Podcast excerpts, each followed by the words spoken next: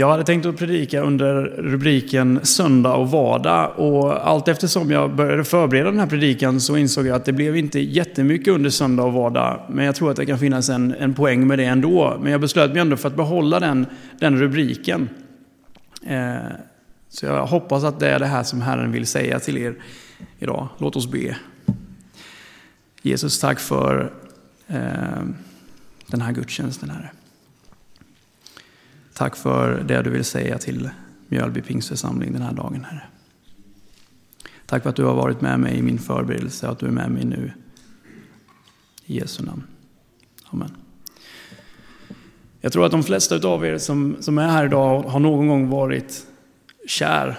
Många av er som är här har varit gifta ganska länge. Och det kan vara så att inte alla kommer ihåg riktigt hur det kändes när man blev riktigt, riktigt kär den där första gången. Men jag minns eh, hur det var för mig. Jag gick i skolan och jag gick och dagdrömde lite grann om en, en tjej eh, som gick i min parallellklass. Jag vet inte riktigt varför, men hon hade någonting som tilltalade mig eh, på ett väldigt speciellt sätt.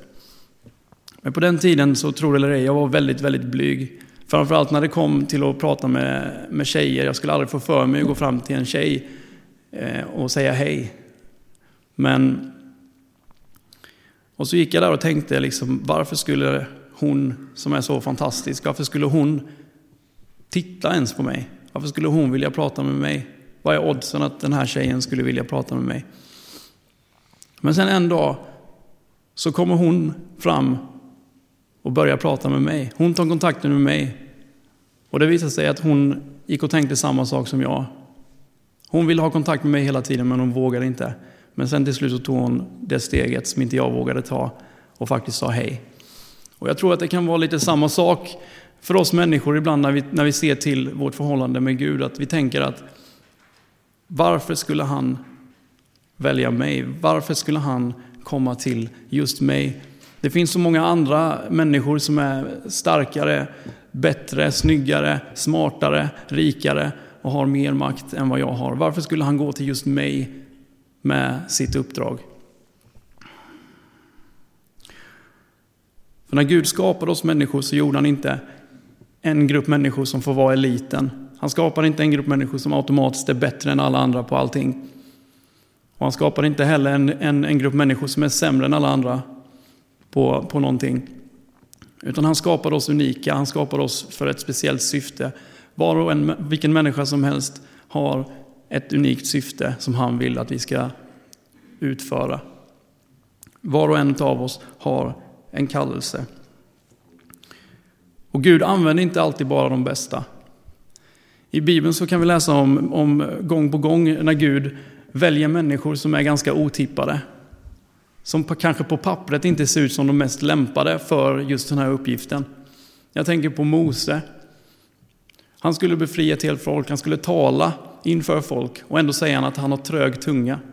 Varför valde inte Gud någon annan som kan tala för sig ordentligt? Eller som Jona, när han får sin kallelse så vänder han istället bort ifrån Guds ansikte. Och Paulus, han är ute och försöker fängsla och mörda kristna och till honom kommer Jesus. Varför? För Gud ser inte bara till de bästa människorna. Utan han ser vad du har potentialen att göra. Och Det kan ju vara en ganska skrämmande tanke att tänka, Gud som är så stor, som har så mycket kraft, som har skapat hela världen, att han har ett uppdrag för mig. Att han kan bli min chef och min arbetsgivare. Men Gud är en fantastisk arbetsgivare. När jag fick jobbet på min, mitt förra arbete EAB så hade jag en jättebra arbetsgivare.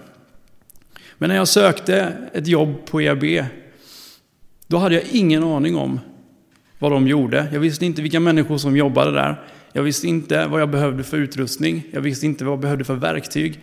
Eller vad jag behövde för kunskap. Jag kunde ingenting om det jobbet. Men ändå så säger de, Mattias, vi tror att vi har ett jobb till dig här som portmontör. Det här tror vi att du klarar av.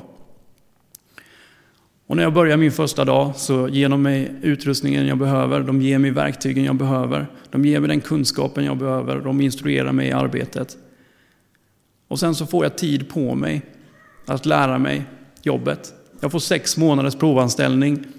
På sex månader så ska jag ha klarat av det här jobbet, annars så får jag gå därifrån. Och Gud, han är den mest fantastiska arbetsgivare du kan tänka dig. För när han väljer dig för sin kallelse så är det inte en chansning han gör.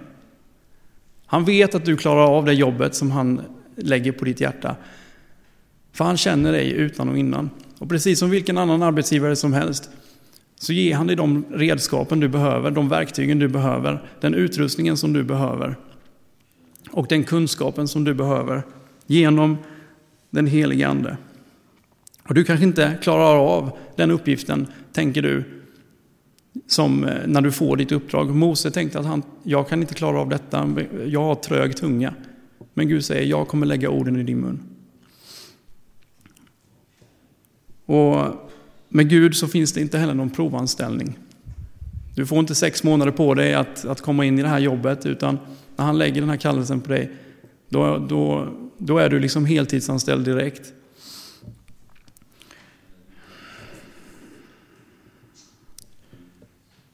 Och jag, jag tänkte aldrig att jag skulle jobba i församling.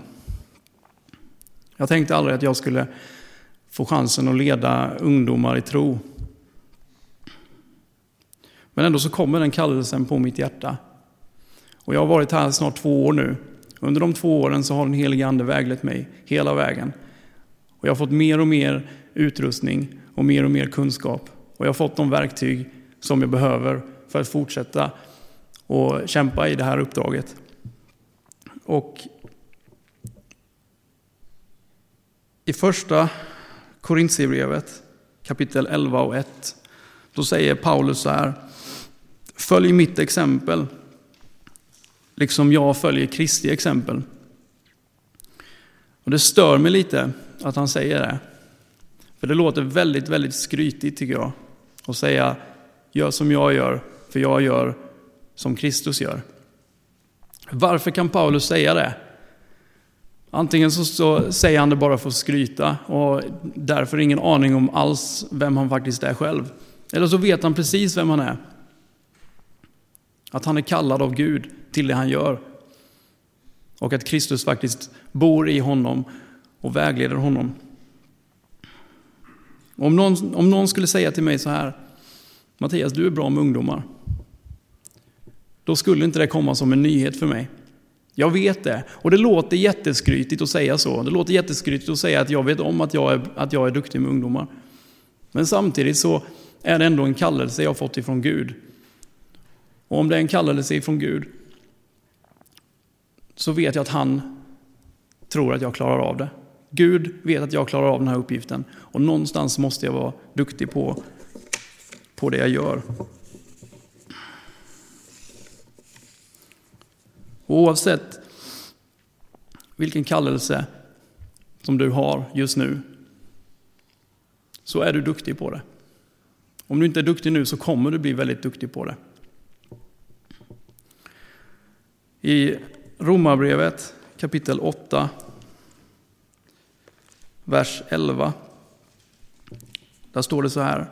Och om hans ande som uppväckte Jesus från de döda bor i er, då ska han som uppväckte Kristus från de döda göra också era dödliga kroppar levande genom sin ande som bor i er. Samma ande som uppväckte Kristus från de döda bor i oss människor och är med och vägleder oss människor. När vi får vår kallelse så lämnar inte Gud bara oss i sticket. Han skickar inte bara ut oss och sen får vi försöka klara oss själva. Utan den helige Ande, han är med från början och till slut. Och du kan vara hur osäker som helst på dig själv och tycka att du är jättedålig på, på allting.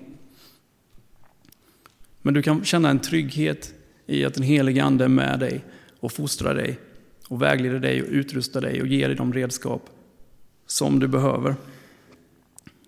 Och en fråga som jag skulle vilja ställa till dig idag, det är, vem är du? Vem är du när ingen ser på? När du är ensam hemma, eh, vad gör du då? Hur går dina tankar när inte någon annan är i närheten? Vem är du när du är på jobbet? Vem är du när du är här på gudstjänst? Vem är du när du är bland dina vänner eller bland din familj? Vem är du? Och när, jag, när jag blev kristen så hade jag väldigt svårt med det där.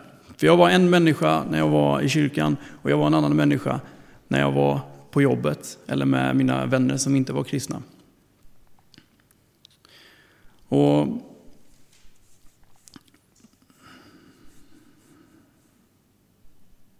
och det var ganska så klurigt för Eh, det var svårt för Gud att få chansen att säga någonting till mig, för han hade inte så mycket plats. Den enda stunden han hade egentligen, det var två timmar som gudstjänsten var på. De där två timmarna då hade Gud chansen att säga någonting till mig. De andra 166 timmarna på veckan, då hade han inte så mycket att säga till om. För då liksom stängde jag bort honom.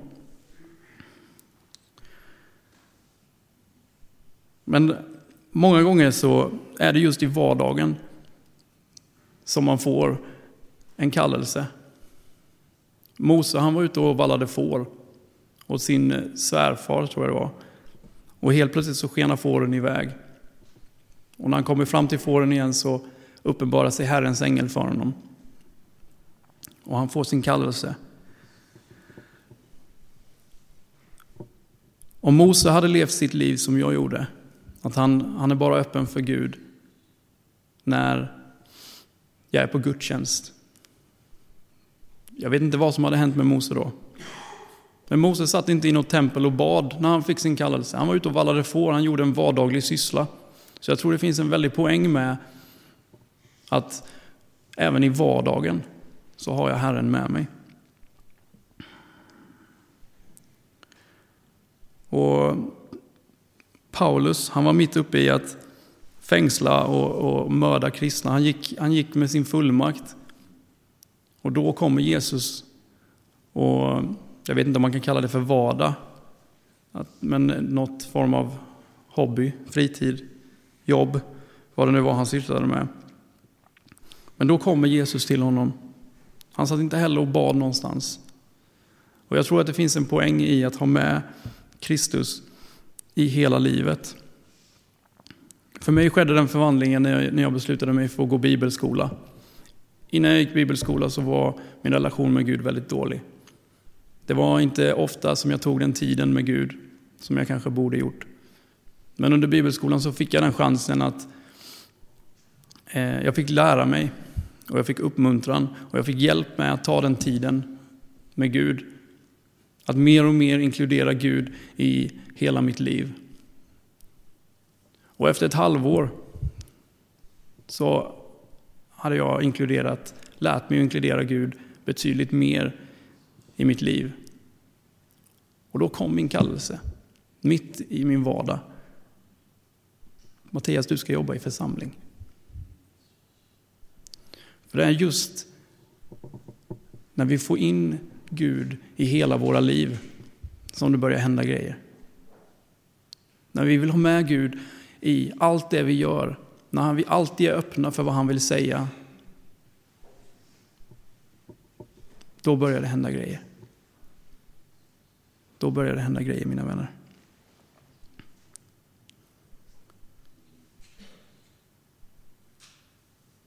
Och ibland så tror jag att det enda vi behöver egentligen, det är att renovera om lite i våra liv. Ta en liten bit i taget, man behöver inte ta allt på en gång. Men en, man tar en sak som man kanske aldrig egentligen har inkluderat Gud i tidigare. Kolla på OS-hockeyfinal. Gud kanske aldrig har fått vara med i det. Men nästa gång Sverige går till OS-final, då kanske även Gud får vara med där. Guds ande bor i er, mina vänner. Guds ande bor i er. Och det enda som vi kanske behöver göra, det är att bara renovera om lite så han får lite större plats att bo på. Ja, Jesus, jag ber dig, Herre, öppna våra hjärtan för dig, Herre. Öppna våra hjärtan för den helige Ande, Herre. Lär oss att inkludera dig i våra liv, Herre, mer och mer. Låt inte bara eh, vår tro vara ett deltidsjobb eller ett heltidsjobb, utan låt det vara våra liv, Herre. Jag ber dig att vi inte bara ska komma ihåg dig på söndagsgudstjänsten, utan att vi ska komma ihåg dig, att ha med dig i allt det vi gör, Herre. Tack Jesus för din, din hjälpare, Herre. Tack för att du har lagt ner din heliga Ande i oss, Herre. Tack för att samma ande som uppväckte Jesus från de döda även är med oss, Herre.